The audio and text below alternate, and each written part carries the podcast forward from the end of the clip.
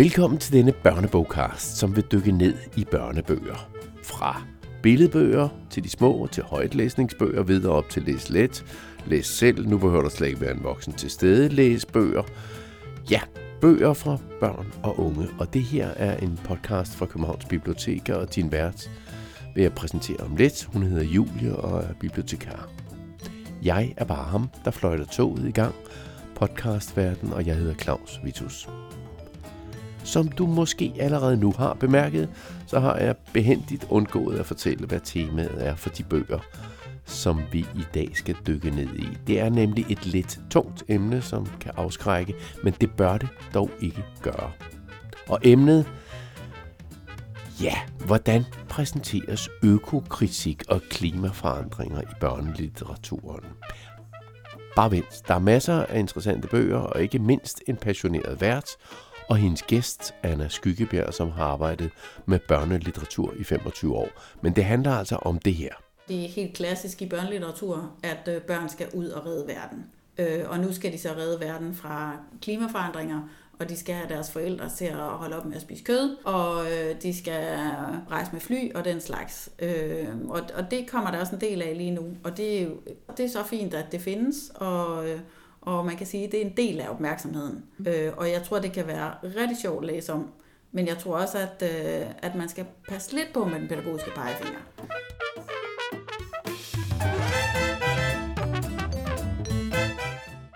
Det handler altså om børnelitteratur, der beskæftiger sig med forholdet ja, mellem natur og mennesker på alle måder, men måske mest, når der er lidt ubalance i forholdet mellem natur og mennesker. Og det starter helt nede i den klassiske lille hus på prærien og Heidi-bøgerne fra århundredeskiftet. Ikke det sidste, men det forrige, det der ved 1900-tallet. Og derefter så bevæger de to, altså Julie og hendes gæst, sig frem til bøger, med vilde øko-børneagenter og klimavogue teens. Velkommen til Børnebogkast 2021 om økokritik i børnelitteraturen. Vært er børnebibliotekar Julie Arndrup. Jamen, øh, hej og velkommen til Børnebogcast. Jeg hedder Julie, og i dag er jeg taget på besøg hos Anna Skyggebjerg. Karlskov Skyggebjerg. Ja, Den rigtige Anna Skyggebjerg. Ja, ja, ja. ja, ja. ja. Øhm, og vi skal tale om et svært ord, der hedder økokritik i børnelitteraturen. Og jeg er faktisk ikke rigtig sikker på, hvad det er. Så øh, nej. Men først, Anna, har du lyst til at præsentere dig selv kort? Ja, det kan jeg godt. Jamen, jeg hedder Anna Karlskov Skyggebjerg, og øh, jeg har arbejdet med børnelitteratur i 25 år. Jeg har arbejdet på Center for Børnelitteratur, og så har jeg været lektor på øh, Danmarks Institut for Pædagogik og Uddannelse, hvor jeg også arbejder nu. Og så anmelder jeg børnebøger i Weekendavisen. Øhm, ja. Og jeg har beskæftiget mig med nærmest alle slags børnebøger. Både dem fra de helt små og dem fra de ældste, og i alle mulige genrer. Ja.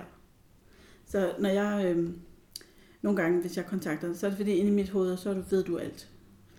Ja, det er, det er nok meget, det er svært at sige. Altså, altså, jeg kan sige, at jeg ikke, jeg, jeg kan sige, at jeg helt sikkert ved, at jeg ikke, at jeg ikke ved alt. Ja. Øh, og, men, øh, og jeg har heller ikke læst alt. Og det er jo det samme, som når man henvender sig til en bibliotekar, så tror alle mennesker, når man ja. er bibliotekar, eller du er forsker i børnelitteratur, så har du nok læst alt. Ja. Men så må vi lige sige det der med, at der udkommer de der små 2.000 titler om året. Ja. Så hvis vi skulle læse alt, så skulle vi læse fem titler om dagen. Og det vil alligevel kræve noget. Og For de gode også dage nå... måske går det. ja, og så skulle vi også noget skrive om det, og læse op på det, der var tidligere, øh, og tænke over det og formidle det. Så det, det er der simpelthen ikke. Det er simpelthen ikke menneskeligt muligt at danne sig et overblik over hele feltet. Nej. Men øh, vi har taget en rigtig god bunke med i dag, så vi kan også anbefale nogle titler. Øh, men det kan være, at vi skal starte med at forklare det her begreb lidt. Ja, Altså sådan som jeg tænker på det, så er økokritik både noget, der er i selve litteraturen, altså litteratur, der beskæftiger sig med økologiske forhold eller med natur og mennesker og relationen mellem natur og mennesker, og ofte har sådan et kritisk forhold til, hvordan vi, øh, vi, vi behandler naturen. Mm-hmm. Øhm, og så er det også en akademisk disciplin, hvor man analyserer inden for uddannelse og forskning, hvor man analyserer øh, bøger, her, her er det så bøger, børnebøger, men det kunne også være film eller alt muligt andet, Mm-hmm. med henblik på at finde ud af, hvordan er relationen mellem øh, natur og menneske. Øh, og hvordan har den udviklet sig historisk set, og hvordan ser den ud i fantasy, og hvordan ser den ud i billedbøger, og hvor, hvor, ja, hvordan ser den ud. Øh, og den ser selvfølgelig ikke ens ud.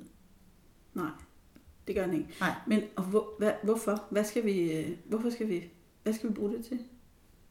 Øh, Man kan sige, at det er en del af den opmærksomhed, vi har nu på vores jordklode og Ja. på fremtiden for jordkloden, at, øh, at, øh, at i den såkaldt antropocene periode, eller den periode, hvor mennesket har domineret, der har vi gjort noget med naturen, og, og klimaforandringer gør, taler vi alle sammen om, Ja. at, at, at naturen måske ikke har det helt så godt, som den burde have, og at vi derfor bliver nødt til at gøre noget for at sikre fremtiden. Ja. Og især jo de opvoksende generationer bliver nødt til at have en bevidsthed om, øh, om natur og naturbeskyttelse og samkvem med naturen osv. Ja. Ja. Og det kan de for eksempel få, når de læser børnebøger, så kan de, Det er rigtigt. ja, så Ja. kan de få et forhold til naturen. Jamen, det giver god mening. Hvorfor der så... Øh, altså, for det er jo også et, det er jo et stort tema lige for tiden. Ja, Både i, i voksenlitteraturen, men også i børnelitteraturen. Ja. Jeg ser rigtig mange titler. Nye. Det, det er det. Altså i, i voksenlitteraturen øh, er der jo Charlotte Weitzes nye roman, som, øh, som øh, er udråbt til at være sådan en økokritisk øh, Ja. fiktion.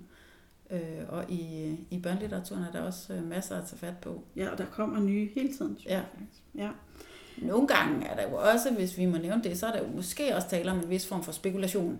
Jo, At, øh, at der også er nogen, der udgiver bøger i, øh, inden for, med det her tema, øh, som, øh, som lige er med på en, en vogn, at nu er det smart og moderne. ja. Og det skal der også være plads til. Jamen, det er rigtigt. Og det, altså, som erfaren læser kan man godt kende forskel, Ja, vil jeg sige. At, at jeg støder også på børnebøger, der, der tydeligt er skrevet med sådan en agenda, ja, med nogle voksne, der har tænkt, nu skal vi, nu vil jeg skrive noget om det her emne. ja, Frem for en voksen, der har tænkt, jeg har den her historie, der presser sig på. Ja. Jeg er nødt til at skrive den ned. Ja. Det kan, der kan man altså godt mærke forskel. Ja. Øhm, ja.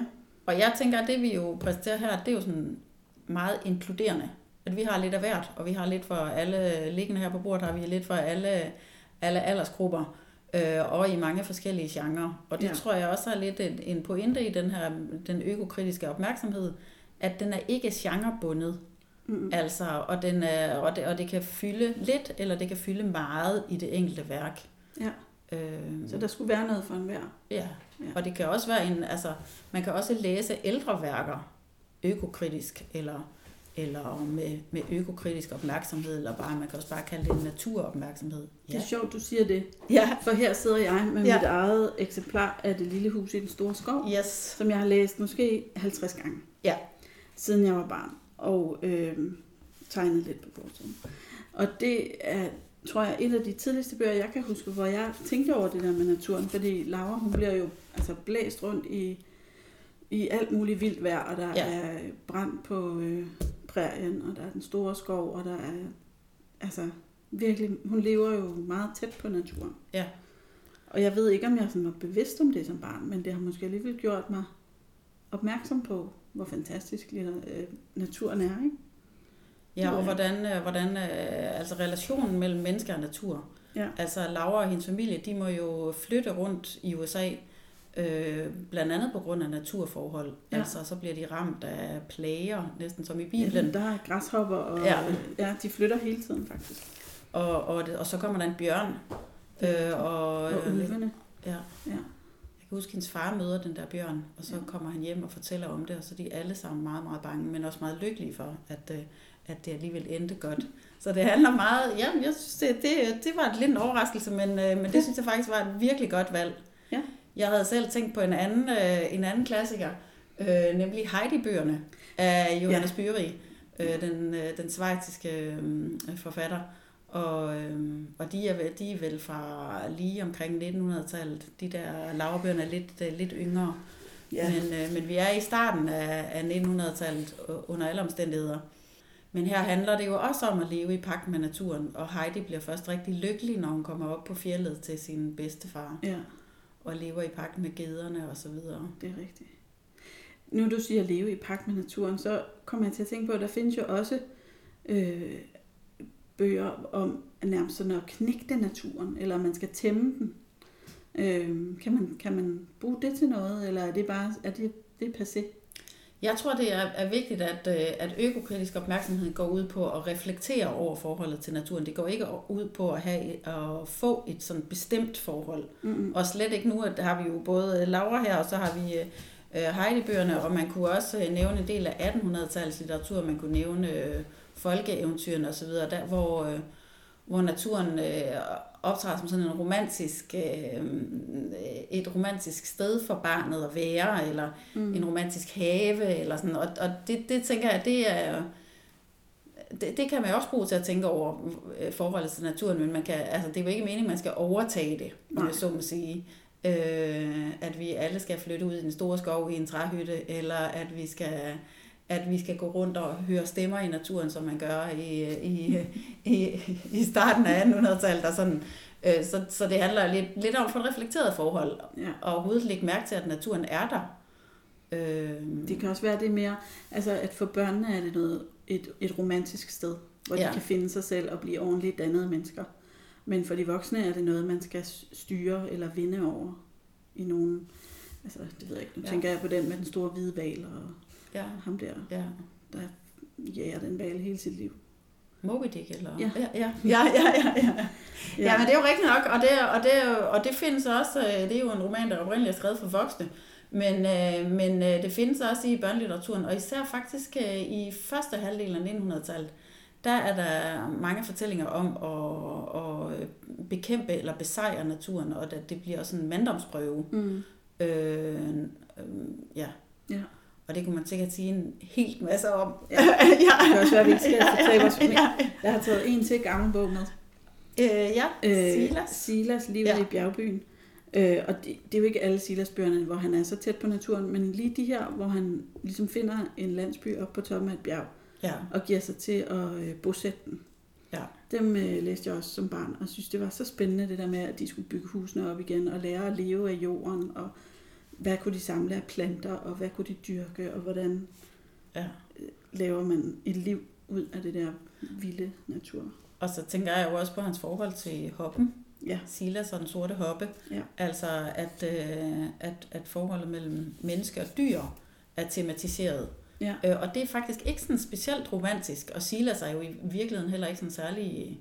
Altså, han er jo ikke sådan en klassisk helt på den måde. Han er super irriterende. han er super irriterende, og han, han driller, og han, han gør lidt sådan øh, mærkelige, dubiøse ting. Altså, øh, han er ond mod andre, og øh, ja, der, der er masser af kampe inde i ham også. Mm. Og det der forhold til he- hesten, det er heller ikke sådan fuldstændig uproblematisk. Det er ikke bare sådan, de smelter sammen. Nej. Men, øh, men han har en hest. Han har den sorte hoppe, og, og der, er, der er en masse i den relation, som man også kunne bruge til at reflektere over, hvor- hvordan behandler vi andre væsener. Ja, det er rigtigt. Jamen, det kan være, at øh, vi skal gå videre til nogle... Mere nutidige. Ser du ja. noget, du har lyst ja. til at sige noget? Ja, ja, ja. Altså, jeg ser jo først og fremmest det med, at vi har alt muligt forskelligt. Hvis vi, øh, hvis vi starter og går lidt aldersbestemt øh, til værks, så kan vi jo starte med at sige noget om, om billedbøger. Ja. Øh, og øh, jeg har for eksempel taget en der er med, som hedder Hvor sover dyrene? Ja. Og øh, det, det, den, øh, der kan man se på forsiden, og den er illustreret af Birte Poulsen og skrevet af Lise Bistrup. Og der kan man se på forsiden, at øh, der er et barn, der sover sammen med en hel masse dyr, og det handler om dyrs søvn. Ja. Og det synes jeg, det Birte Poulsen har tidligere øh, Hun har tegnet mange dyr. Hun har tegnet- virkelig mange dyr, og jeg synes, hun er ret fantastisk til at tegne dyr. Ja. Og hun har lavet øh, bøger sammen med den tidligere zoodirektør, og, øh, og, og tegner masser af dyr, som sover. Og øh, de fortæller om, hvordan øh, øh, til et barn, som er hovedperson i fortællingen, det er ikke sådan en fagbog, ikke sådan en traditionel fagbog, men det er en fortælling, hvor de reflekterer over, hvor, hvordan dyrene sover. Og det mm. synes jeg faktisk er et sjovt perspektiv. Altså også, også et sjovt øh, barneperspektiv. Ja. Barnet vil gerne have, have sin hund sovende i sengen, ikke? Ja. Og, øh, og så kommer de omkring alle de her dyr, og hvorvidt det er smart at have dem i sengen eller, Ja. eller ej. Ja. Men det er både store dyr og små dyr, og insekter og Ja. havdyr og så videre, som vi kommer omkring. Det er jo også, øh, altså det kan man sige, det er en måde at, at, at læse om dyr, øh, og få et- en relation til naturen, om, og ofte, kan man sige, at dyr i børnelitteratur, i, øh, eller ofte ofte, men, men øh, ofte spiller de nogle andre end sig selv. Mm. Det er ofte, at dyr spiller mennesker. Det er jo meget almindeligt i billedbøgerne, ja. at, at hvad skal man sige, hovedpersonen er tegnet som et dyr. Ja, Ved, hvorfor? Hvorfor gør man det? Er det, det er nemmere at, at reflektere over, eller... Så, Ja, det tror jeg altså. Og så er det jo, altså jeg tror, der er en, en elgammel tradition i børnelitteraturen for, at øh, der er sådan et fællesskab mellem barn og dyr. mm, Så når man tegner et dyr med tøj på, så ved man, at det egentlig er lidt sådan en agent for et, øh, for Ja. et barn. Ja. Altså, øh, øh, Peter Plys for eksempel, mm, er jo meget mere barn end en, en bjørn. helt sikkert. Øh, så der er, der, er- ja, der er sådan en elgammel tradition for den der relation. Og så der fordelen ved at have et dyr som udkarakter er jo, at så er man ikke, køns, øh, man er ikke så kønsophængt. Ophængt. Øh, vi talte også om bogen om Blom, som kom sidste år, en meget, meget fin bog af, af Tina Sakura Besle, øh, hvor det er en skildpadde, der er, der er hovedpersonen, Ja. men også en skildpadde, også en, en, det, det, man i opera vil kalde en bukserolle. altså en, der har, en, der har tøj på. En skildpadde, der har tøj på. Og, og der kan man sige, der siger, der siger dyrelivet måske mere om menneskelivet. Ja. Øh, men her i den her Vores over dyrene, der er der, der, er der sådan en reel dyreformidling. Jeg finder der øh, dyreformidling sted. Så jeg har taget denne her med, som er sådan meget... Øh, den hedder Frugt og grønne sager. Ja. Øh, Shekufe Heiberg. Og øh, det er så frugtformidling, kan man sige, hvis Ja. ja. det der er dyreformidling. ja. Det er øh, digte på rim, eller sådan rim om frugt. ja. Øh, er det også noget økokritik? Bliver man så mere opmærksom på, hvad findes der af frugt og grønt? Det kunne man sagtens uh, tage ind i den her kategori også, og Mens hvor, det, og det hvor de, og hvor de kommer fra, men man har det sjovt med at rime. Ja. Altså, jeg er jo øh, super glad for poesi. Ja. Øh, og, og det med at, at formidle viden i, gennem poesi også, det, øh, det er også en, en elgammel tradition i børnelitteratur. Øh, så ja, så det vil jeg da, det, det synes jeg er spændende ud. Jeg kendte faktisk ikke i forvejen. Nej. Så Hun har også øh, sit eget forlag, som Ja. udgiver ting på, men jeg synes, Ja. den er meget, den er flot og har mange Ja. farver og er Ja. sådan øh, enkel samtidig Ja, med, at den er finurlig ja. Og har også ret fint sådan satsblad her med, med blade. med blade, med forskellige slags blade. Ja. Ja, det kan jo godt føre os direkte videre over i Karen Filskov her, Det kunne som har skrevet Skoven for oven, og øh, en anden bog, som, øh, som jeg også ville nævne her, øh, som hedder Det sner med fjer, Ja. som vi ikke lige har med, men, men som, øh, som vi jo godt kan snakke om, Som vi kender. som vi kender. Ja. Øh, og Skoven for oven her, den er fra 2015, og Det sner med fjer, den er fra 2020.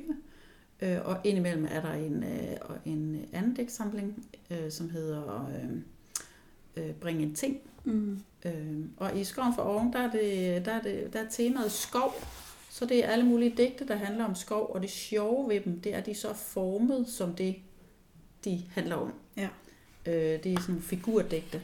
Så der er et blad, der er et digt om et blad, som er Mm. formet som et blad, og et digt om en solsort, der er formet som en solsort, og så fremdeles. Og Ja. det samme gør hun altså i de to andre digtsamlinger.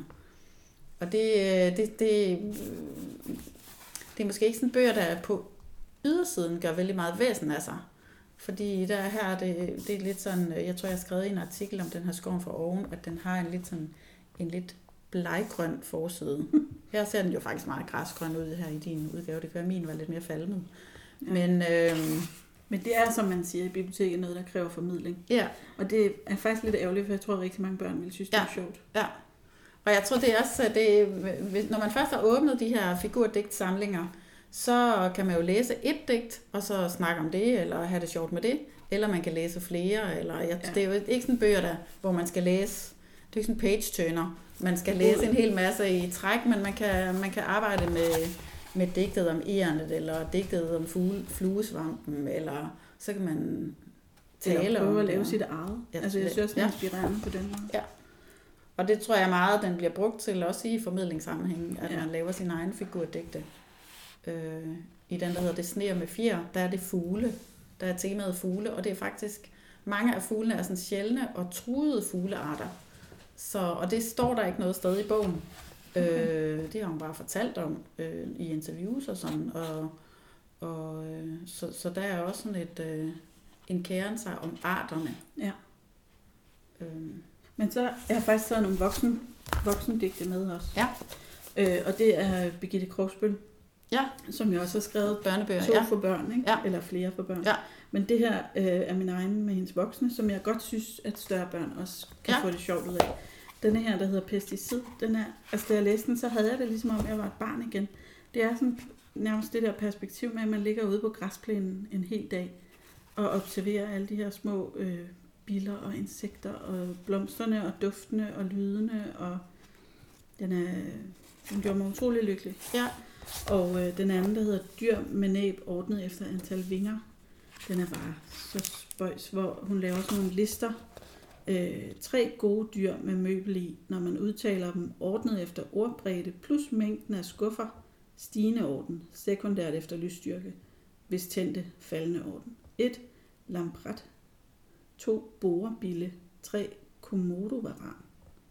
Altså det bliver lidt... Øh, det kan godt være, fordi man er bibliotekar og elsker lister og orden og sådan noget, men jeg, jeg synes, de er så sjove. Ja, og det med listerne bruger hun jo faktisk også i sine digtsamlinger for børn. Ja. Den, der hedder Den fnukkede himmelpop-trompet. Ja. Øh, der er flere sådan naturdigte også, og der er flere sådan listedigte. Øh, Ja. ja. Og der er også nogle rigtig, altså rigtig skægge sådan observationer af landskab og Ja. solnedgang og, øh, og dyr og, og, liv, og dyr, som har deres eget liv, altså som bliver menneskeliggjorte og sådan det, Ja. ja. ja. Hvis man har som børn, der er glade for ord, Ja. og synes, det er sjovt at lege med ord, Ja. så er de virkelig gode. Men det var måske billedbøgerne. Øh, Du havde lige en mere der? Altså, eller? jeg har taget ja. en med, Ja. øh, der hedder, jeg kan ikke udtale det, ved du, hedder det Otvold, når der er to D'er? Jeg vil sige Otvold. Otvold og Vindøen, som faktisk bare er en historie om en, øh, en fyrmester, der hedder Otvold, som bor på sådan en, øh, en ø, der hedder Vindøen, hvor det blæser rigtig meget, og øh, en albatros, der hedder Kattegat. Og så øh, er den bare utrolig smukt illustreret, og foregår meget øh, under havet og op i vinden. En skør historie. Men, men det der med, at naturen er en, en vigtig setting øh, Ja. ja. for handlingen, og for det, det behøver ikke at ligesom tematisere natur. Det kan også være, det, Altså, der er både venskab Ja, ja, og mod ja, og sådan ja. noget med at turde Ja. give slip og alt sådan Ja. noget i den her. Men, men det hele bliver jo vist i naturens vildskab, eller hvad Ja. ja, der kom jeg også til at tænke på sådan en som Stian Hole, Ja. øh, som jo netop også øh, tematiserer sådan nogle eksistensspørgsmål. Altså øh, hans øh, trilogi om drengen Garman for eksempel, hvor man, Mm. hvor man også hele tiden ser naturen som et sted, som Ja. et rum Ja. for handlingen, uden at det egentlig handler om natur. Han laver så, i, i en af bøgerne laver Garman et herbarium. Øh, så det er jo også en slags naturomsorg, at han ligesom samler, samler på tørret. Øh. Ja. Og i, Øh, altså i den her podcast insekter. kan man ikke sige herbarium, uden også at nævne Snabels herbarium Nej, af Rasmus det var godt. Den skal man altid læse. Ja, ja.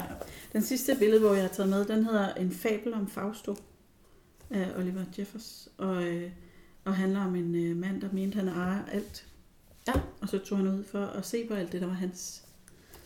Øh, og det er bare, ja, hvad skal man sige, en mand med storhedsvandvid til søs, som øh, til sidst nok må erkende, at han ejer altså ikke alt. Skønne, skønne naturbilleder. Ja. Altså skønne sådan havbilleder. Ja, Så kan vi jo gå lidt op i, øh, i aldersklasse. det kan vi. Ja. Øh, højtlæsning, mm, så har jeg taget denne her med, som hedder Malle redder verden af Sara Olsson og illustreret Lisen Atboge. Øh, om Malle, der har sommerferie og vil gøre noget for verden. Øh, og det gør hun for eksempel ved at vande alle planterne i sin mormors drivhus. Ja. Og bagefter går hun ud i haven og leder efter nogle dyr, hun kan hjælpe. Mm-hmm. Den er ret illustreret, så den er super god til højtlæsning til de der, som, som lige har givet slip på billedbøgerne. Ja, ja. Og hende, øh, hovedpersonen, hun er øh, altså, hun er sådan en overgangsbarn. Hun, er- altså, hun er lige startet skole. Ja. Den er ret fin. Der er tre bøger om hende her, Malle. Der er også jordbær på forsat. Åh oh, ja. Ja. Den, Det er også noget bognørderi, at man bare kan tale om, hvad er der på sats på jeg forsatsbladene. kan ikke sige, hvorfor jeg elsker det så meget, men det, det betyder virkelig noget. Ja, det betyder rigtig meget. Det er jo det Ja. første, når man har åbnet bogen, så er det det første, man ser. Til gengæld har man også nogle gange set bøger, hvor forsatsbladet er så lækkert, at man næsten bliver skuffet, når man kommer ind i den. Ja, det, ja. De ikke har gjort sig lige så meget umiddelbart. ja, ja, ja. ja. Men det med et barn, som gerne vil redde verden, det er jo selvfølgelig også et tema herunder. Jeg tænker, at den her øh, økokritiske opmærksomhed, at den, øh, det, den fører jo også over i sådan øh, børneagency. ja. Altså, hvem er det, der skal gøre noget? Det er de opvoksende generationer. Og det er helt klassisk i børnelitteratur, at øh, børn skal ud og redde verden. ja. Øh, og nu skal de så redde verden fra klimaforandringer, og de skal have deres forældre til at holde op med at spise kød, ja. og øh, de skal øh, og rejse med fly og den slags. Øh, og, og det kommer der også en del af lige nu, og det er jo, ja, det er, Ja. ja. Det, er så, det er så fint, at det findes, og, øh, og man kan sige, at det er en del af opmærksomheden. Mm. Øh, og jeg tror, det kan være rigtig sjovt at læse om, men jeg tror også, at, øh, at man skal passe lidt på med den pædagogiske pegefinger. Ja, det er jeg meget enig. Altså, og det er måske ikke så meget, jo, der kommer lidt i højtlæsningsalderen også, Ja. men jo, jeg vil sige, jo ældre børnene bliver, jo mere kommer der af det. Ja, ja. Øhm, og det er selvfølgelig fordi, jo ældre man bliver, jo mere er man måske også selv ude og, Ja. og gøre noget. Øhm, altså jeg har de her to også af Jennifer Bell, en ny serie, der hedder Vilde Agenter. Det er også det er nogle børn, der redder verden. Eller de redder nogle dyr. Øhm, og miljøet. Ja. Altså, og de er rigtig de er fine. De er sjove at læse højt, synes jeg. Og, øhm, og er sådan sympatiske. De der børn er ret helteagtige. Ja. Ja. Men det har vi brug for. Vi har brug for nogle helte.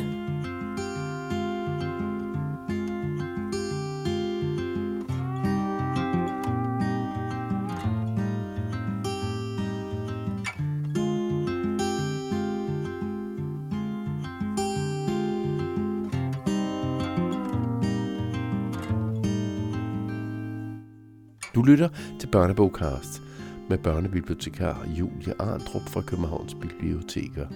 Hun har inviteret Anna Karlsgaard Skyggebjerg i studiet til en snak om økokritik i børnelitteraturen.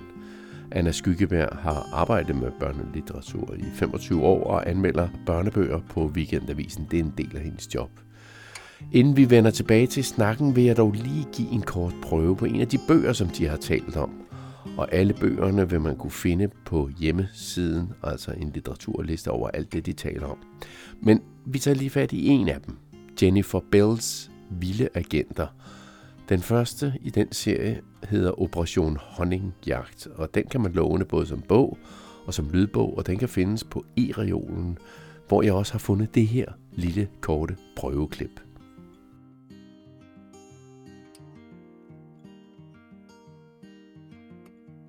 Det var eftermiddag, og solen skinnede.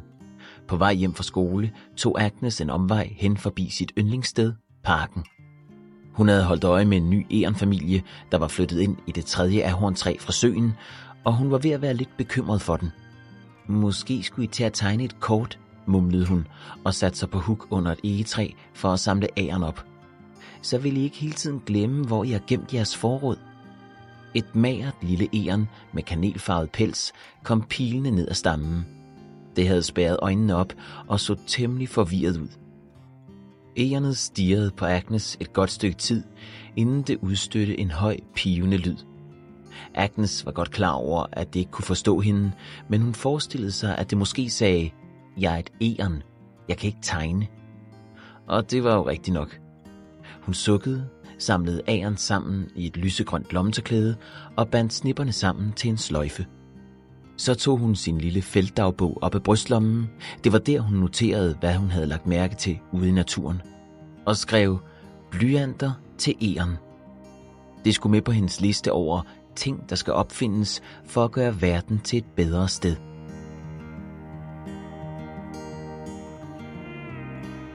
Tilbage til snakken hjemme hos Anna Skyggebjerg. Jeg har brug for nogle helte. Det er Ja, ja. Så, øh, så har jeg taget en anden serie med, det er nok til de lidt større klimakrigerne, hedder den, af Henrik Nilaus. Øh, og det er helt klart sådan noget til børn, der er større, hvis de har hørt om Greta Thunberg, Ja, og gerne selv vil, øh, vil gøre noget. Ikke? Og så, men så synes jeg også, at den har det der twist om, hvor svært det kan være at leve op til sine egne principper. At selvom man øh, gerne vil alt det rigtige, så kan man måske faktisk godt lide en frikadelle en gang imellem. eller en rød pølse. Ja, Eller, eller, er det ikke det, de spiser? Jo, ja, altså, ja, ja, ja. Der, det kan i hvert fald ikke, det er ikke så let altid. Nej, nej, Og man kan jo heller ikke øh, bestemme 100% over sine venner eller sin familie. nej, nej.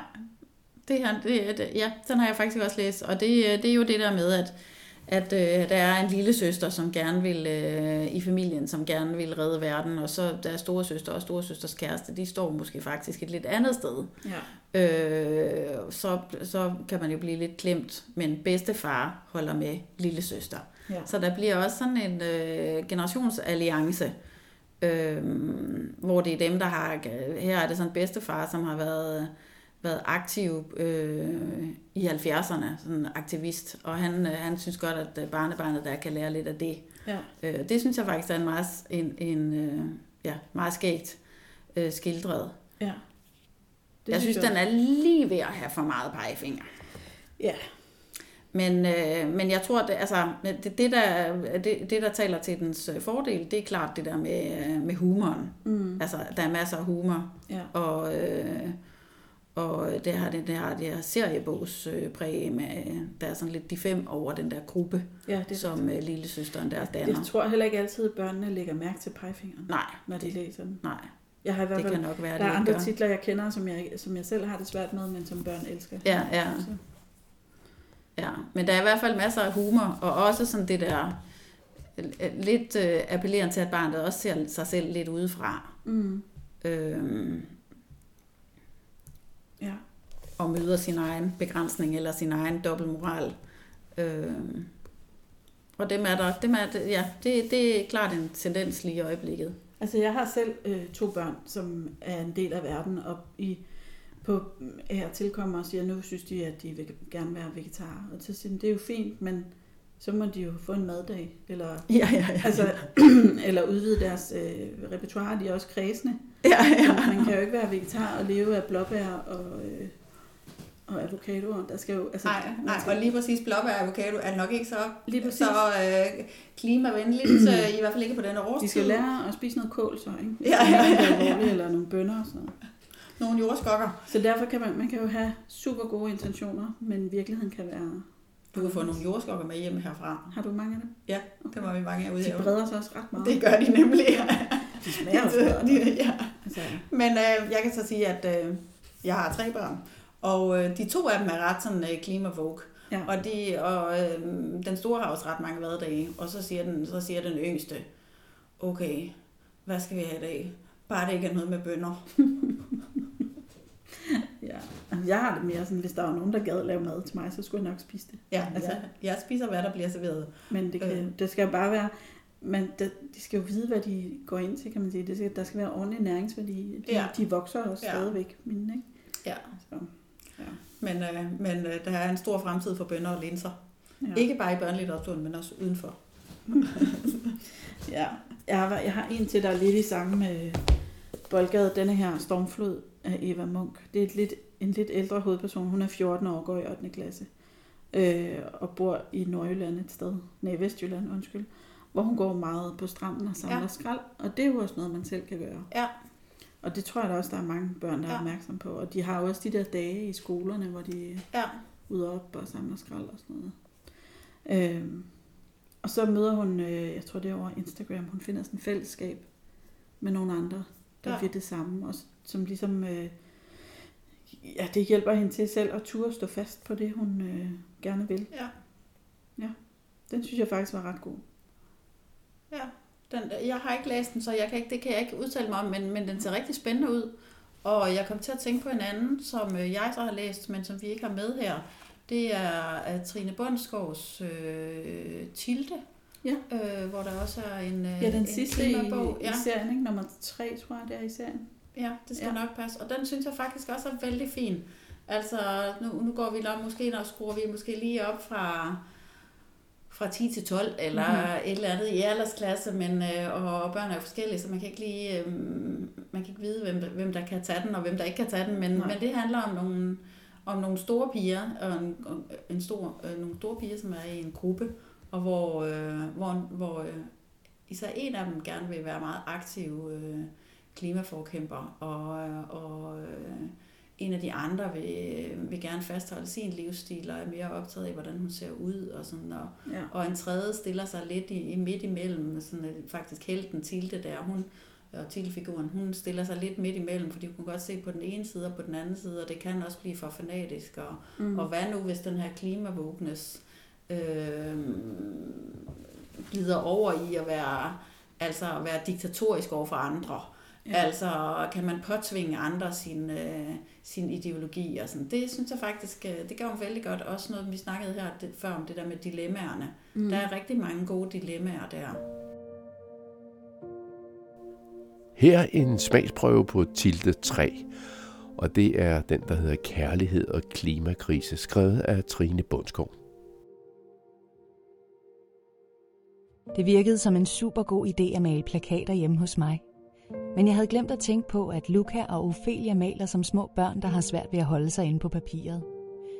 Det var ikke en del af min plan, at de skulle male mit gulv gult og grønt og rødt. Det bliver jo super, siger Ophelia og holder sin plakat op, så vi kan se den. Der er ingen planet B, står der med skæve blå bogstaver. Jeg laver den også på engelsk. Ophelia lægger plakaten på gulvet og hiver et nyt stykke karton hen til sig. God idé, siger Luca og smører mere gult på sin egen plakat, og jeg nikker, selvom jeg får en lille smule ondt i øjnene af alle de farver, de blander sammen. Du synes, det er grimt, siger Ophelia og peger på mig med sin pensel. Indrøm det bare. Og endnu en gang tænker jeg på, at Ophelia burde købe en campingvogn og rejse rundt som spokhone. Kun lidt grimt, siger jeg og tegner flere grønne blade på min egen plakat. Det skal jo ikke udstilles, siger Ophelia. Vi skal jo bare sige vores mening, nikker Luca. Ja, ja, siger jeg. Man kan jo godt sige sin mening på en pæn måde. Det er altså ikke kun dig, som går op i, at det skal være pænt, siger Ophelia og tværer løs på det stakkels papir og lidt ud på mit gulv. Det allervigtigste er budskabet, siger Luca. Jeg er så glad for, at elevrådet endelig laver noget vigtigt, for jeg er så træt af at snakke om, at toiletterne er ulækre og lugter af tis. Men de stinker altså, toiletterne, siger jeg. Så meget at tisse. Men klimaet er meget vigtigere, siger Luca. Jeg synes, at tisse er meget relevant, siger Ophelia, og Luca holder hænderne op foran sig. Hold op, siger hun. Du tager det så alvorligt, Luca, siger jeg. Klimaet altså. Fordi det er alvor, siger Luca. Vi står midt i en katastrofe, vi er nødt til at gøre noget. Og det ved jeg godt, men jeg kan ikke rigtig overskue det alt det med CO2 og vandet, som stiger, og klimaet, som forandrer sig. Det føles så uvirkeligt, for når jeg ser ud af vinduet, ser alt jo ud, som det plejer.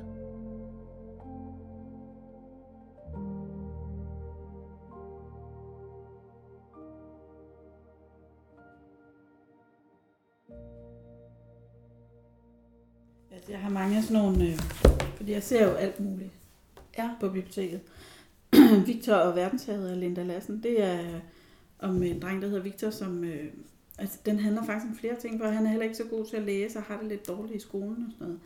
Øh, og han har ikke nogen mor, og så er han meget bekymret for klimaet, fordi hans farmor sidder i kørestol.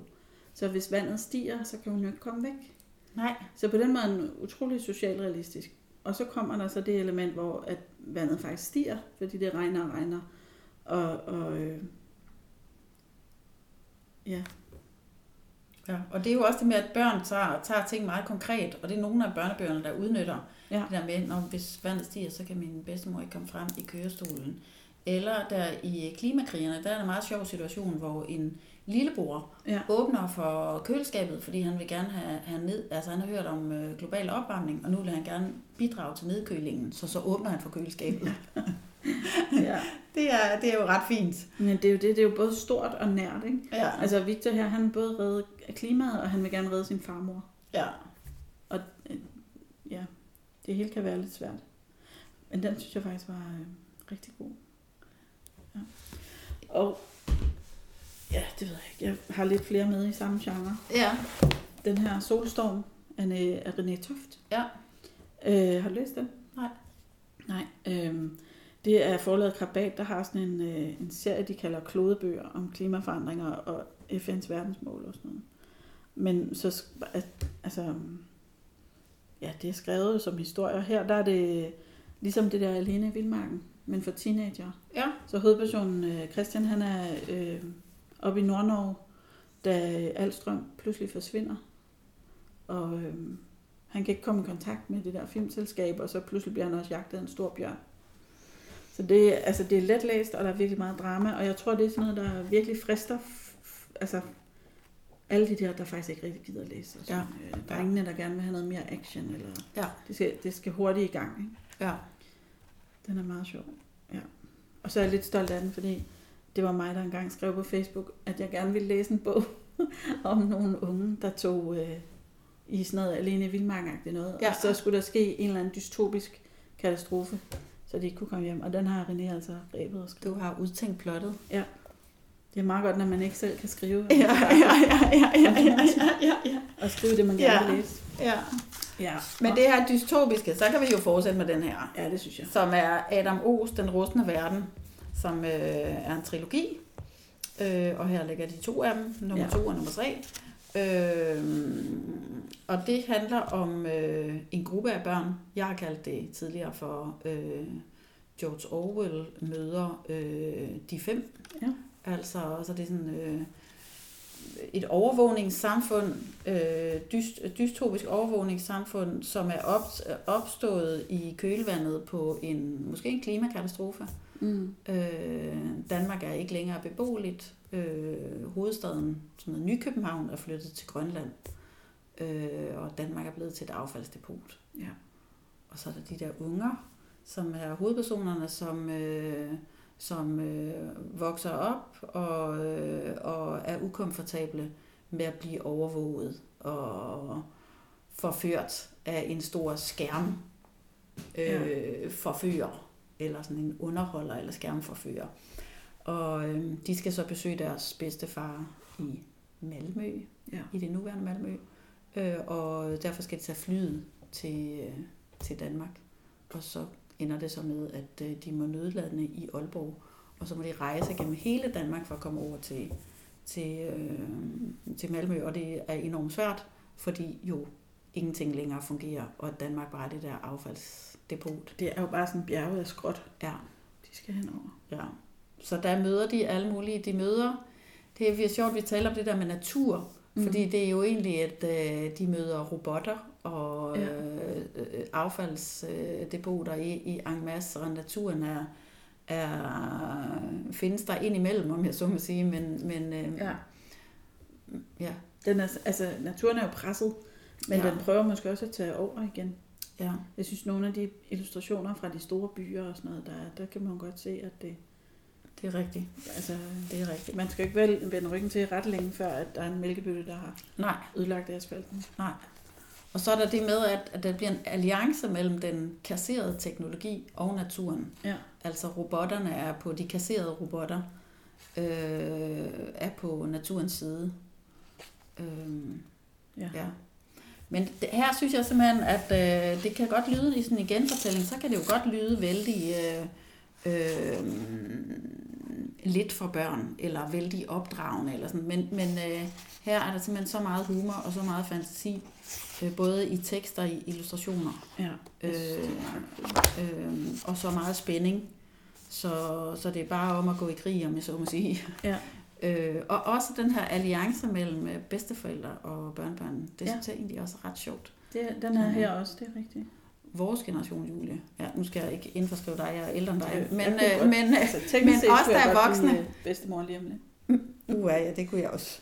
Hvad hedder det? Men os, der er voksne, vi er, og, altså, er, har børn og sådan, vi er, vi er ude af ligningen. Mm. Mm. Det er børnene. Håbet ligger hos børnene, og eventuelt i samarbejde med deres bedsteforældre. Ja. Vores generation har alt, har alt for travlt med vores eget, og med at arbejde og, og øh, Jeg synes mest, at bare, jeg er virkelig og- træt. Altså, meget træt. Og nogle gange synes jeg også, hvis, nu bliver det måske lidt dystert, ikke? men det føles så håbløst. Hvad skal man gøre? Ja, Jeg tror, det kræver utrolig meget energi, Ja. og, og måske mere naivitet, end, end jeg har tilbage. Ja. Og bare blive ved Ja. og tro på, at man kan gøre noget. Ikke? Men man kan jo sige, det er, det er hvad hedder det, øh, børnelitteraturen, sådan har det jo altid været, det er børnelitteraturen indgyder børn håb og mod. Mm. Øh, og det er det også her i den rustne verden. Selvom det er en helt ødelagt, øh, gennemforurenet, øh, gennem... Øh, altså, Altså virkelig alle sådan en måder. udnyttet verden. Ikke? ud, ja. Og også øh, et, øh, et styre, som øh, herskeren der er måske nok lidt, øh, lidt sådan Trump-inspireret, men også øh, af alle mulige diktatorer og sådan. Der er alle mulige øh, korrupte magtforhold. Verden er ødelagt på alle måder, men der er håb hos børnene. Mm. Og det er jo dejligt, og jeg tænker, det, det indgyder måske også de, de læsende børn håb. Det håber jeg. Ja. Ja, og så som du også nævnte, så er de bare så fantastisk flot illustreret. Ja. Det er det. det kan, man kan ikke tænke øh, tekst og illustration øh, hver for sig. Nej. Vi havde Adam O. med i et afsnit for, det må være et par år siden efterhånden, da den første udkom. Ja. Om, og så, ja, det er også meget spændende at høre ham fortælle om den, så det kan man jo gå tilbage og finde, hvis man har lyst. Ja. Og så er de indstillet til alle mulige priser. Ja, de er indstillet til øh, både Kulturministeriets øh, børnebogspris og øh, i øh, for 2020. Den bliver så uddelt her i 2021, Mm-hmm. øh, men dækker udgivelser i 2020. Og så er den også ud, øh, indstillet til øh, Nordisk Råds pris for børne- og ungdomslitteratur. Øh, en af de mest øh, prestigefyldte øh, priser, øh, som i år, tror jeg, faktisk bliver uddelt i København, og som aldrig er gået til Danmark. Øh, ja, og Nordisk Ministerråd har faktisk også øh, finansieret sådan en lille antologi, der hedder På tværs af Norden, som hedder Økokritiske strømninger i nordisk børne- og ungdomslitteratur. Der kan man læse nogle 4-5 sider lange artikler, øh, altså korte introduktioner til forskellige værker, øh, og, og til forskellige perspektiver på økokritik. Ja, den ligger online også. Den ligger online, så det er helt gratis. Vi må lige lægge et link ind i artiklen. Yes, det kan vi gøre. Øh, og der er også nogle kunstnere, der har både skrevet og illustreret øh, nogle, og nogle korte, nogle korte værker, Ja, øh, som, er, som er ret fine at se på. Og jeg kom til at tænke på lige før, da du sagde det der med affald, hende der samlede affald. mm. Der er faktisk en hel artikel, som handler, en, en svensk artikel, der handler om skræp i børnelitteraturen. Altså øh, affald i børnelitteratur. okay. Det synes jeg også er et sjovt perspektiv. Det er nogle gange nogen, der, der spørger specifikt efter Ja. ja, bøger om plastik. Ja. Ja. Der er også en, der har skrevet om øh, planter som, hoved, som hovedpersoner. Mm. Det synes jeg også er lidt, øh, lidt skægt. Lidt Ligesom skægt den der øh, blomsten, der elskede mig. Lige præcis, den er med. Den er med. Okay. Og hun, hende, der har skrevet det, hun arbejder med sådan en tanke om det der med, hvordan kan man give andre væsener, ikke bare dyr, men altså også planter, en stemme. Ja. Det, kan jo godt, det er jo godt lyde lidt flippet, men, øh, Det men når, det ikke at være, jeg kan ikke lige huske, hvad forfatteren hedder, men jeg læste en eller anden bog om, øh, om sådan en, øh, et juletræ, der blev fældet. Altså, og det er ikke H.C. Andersen. det er ikke grænsret. Nej, Det var nyere. ja, ja, ja. Men øh, jeg får man fuldt den der pind i, Ja. igennem tygt og tyndt. Ja.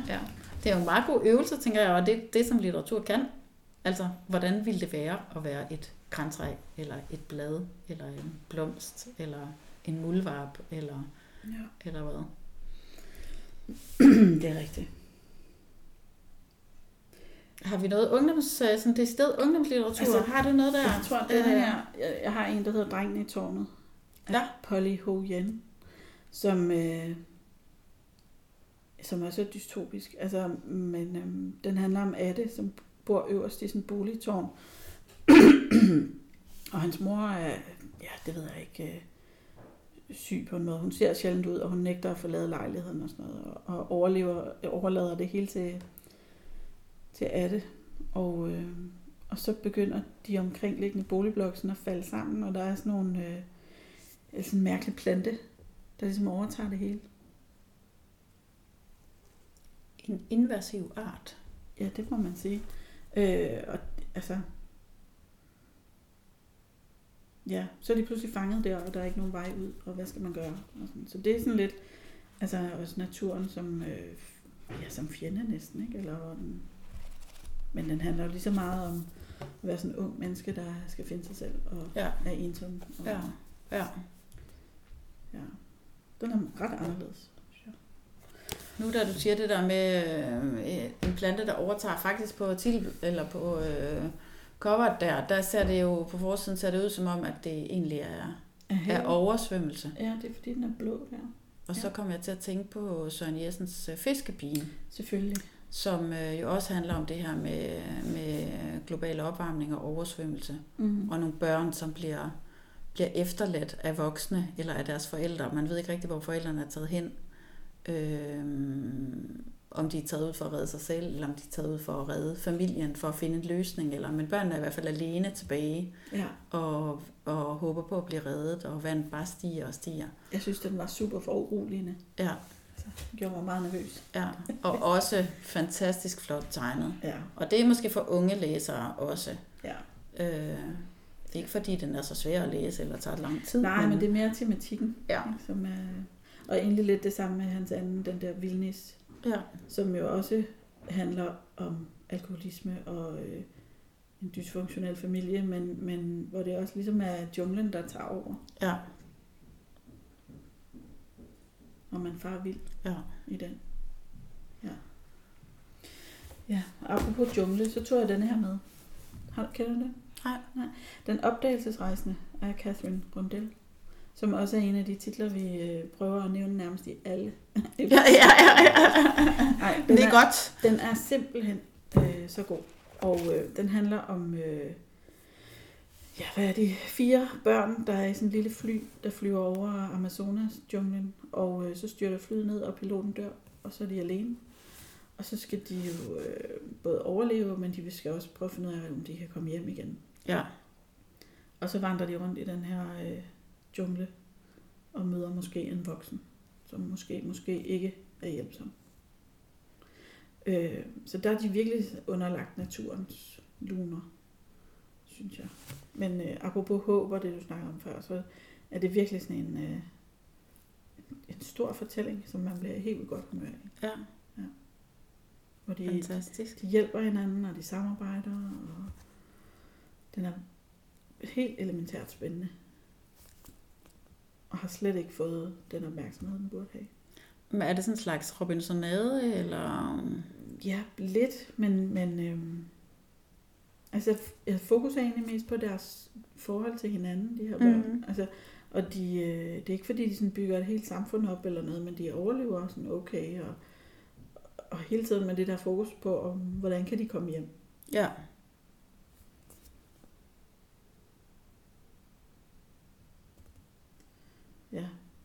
Jeg kan ikke huske, hvem det var, der var. Altså, det er sådan lidt en blanding af... af jo, det står her bagpå, der er en, noget, der hedder Spectator, som har sagt, det er en slags blanding af Indiana Jones og filmen Op. okay. Ja, det lyder jo meget specielt. Ja. ja.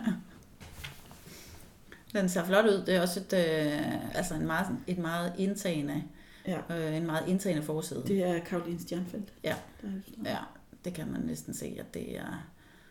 Og så kan jeg Det er godt lide, gode den har hænder. sådan et Ja. meget lille format. Ja, Mm, Altså selvom den ikke er... Hvor mange sider er den på?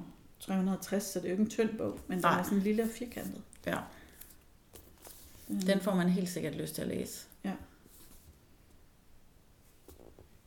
Ja. Og det lyder som om det her menneske og natur, at det er sådan gennemgående. Ja, den sidste, jeg har liggende, det er også en dystopisk enhed under vand af Lone Flyvbjerg Nørgaard.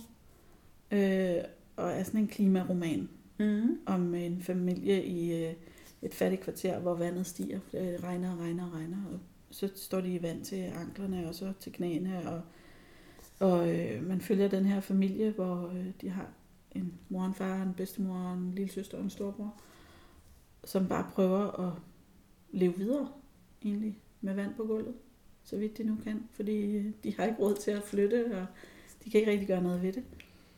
Øh, og så får storebroren rodet sig ind i noget bandeaktivitet, og lillesøsteren vil gerne redde ham fra det. Og, altså den er, det er jo, øh, ja hvad skal man sige, fiktion, men, men meget realistisk på den måde, at Mm. man kunne jo godt risikere at bo et sted, hvor at vandet bare steg.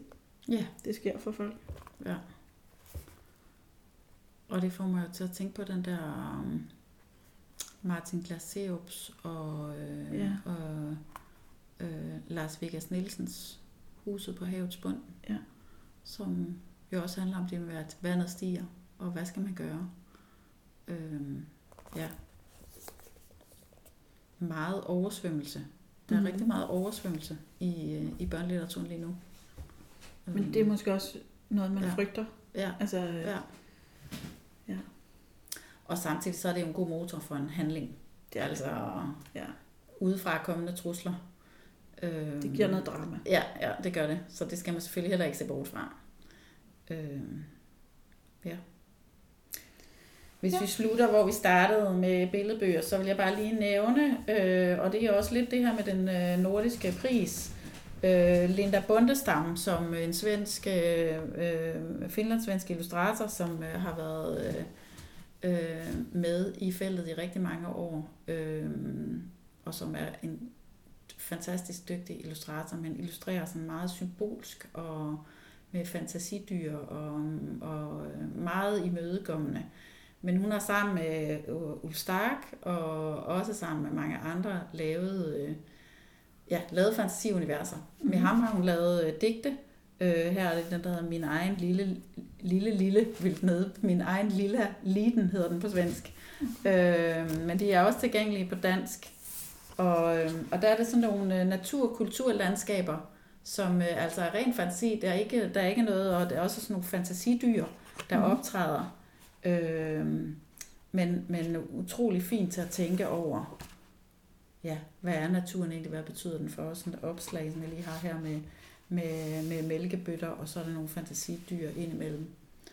Det minder lidt Rigtig sådan flot. om øh, hvad Flemming Kvist Møller. Egentlig Ja. sådan lidt cykelmyg-agtigt Ja, det er landskab. det faktisk. Også fordi det, man ser det i det der perspektiv Ja. ja. fra siden. Ja. Men jeg tænker, hvis man godt kan lide uh, cykelmyggen Egon, så skal man gå efter Linda Bundestam som uh, illustrator. Ja. Men det er også for at sige, at det behøver ikke at være, altså for at have den her natur opmærksomhed, så behøver det jo ikke at være en til en realisme. Vi har også lavet, haft masser af dystopi og sådan noget her. Ja. Men det behøver ikke at være noget, der ligesom, og det behøver heller ikke at handle om, at jorden går under, eller, Mm. eller, eller den slags. Nej. Der kan være masser af fantasi og glæde og opmærksomhed på, øh, på de små detaljer og sådan. Ja. Ja. Det er meget godt. Det er godt at slutte af med, øh, at det ikke behøver at være dystert. Ja, ja, ja, ja, ja. Ja. Vi regner ikke, når jorden går under. Lige nu. Nej, ikke, ikke lige nu.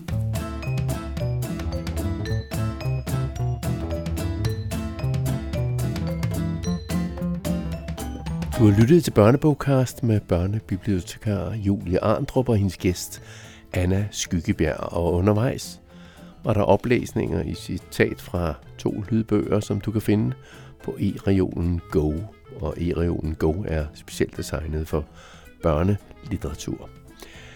Og du kan finde en litteraturliste og henvisninger til de bøger, som er blevet nævnt i denne børnebogcast på hjemmesiden. Og hjemmesiden finder du på bibliotek.kk for Københavns Kommune.dk, altså bibliotek.kk.dk.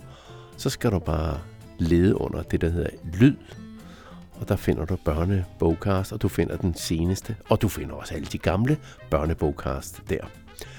Og der kan du så finde en liste over alle de bøger, som er blevet nævnt. Det er måske lidt besværligt, men det er til at finde.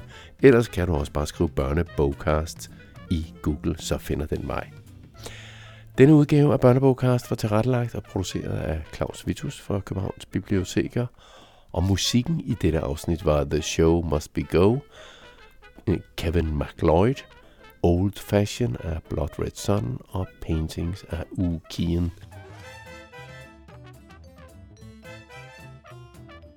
På genhør til den næste børnebogkast, som kommer om en måneds tid, samme sted, som du har fundet denne børnebogcast.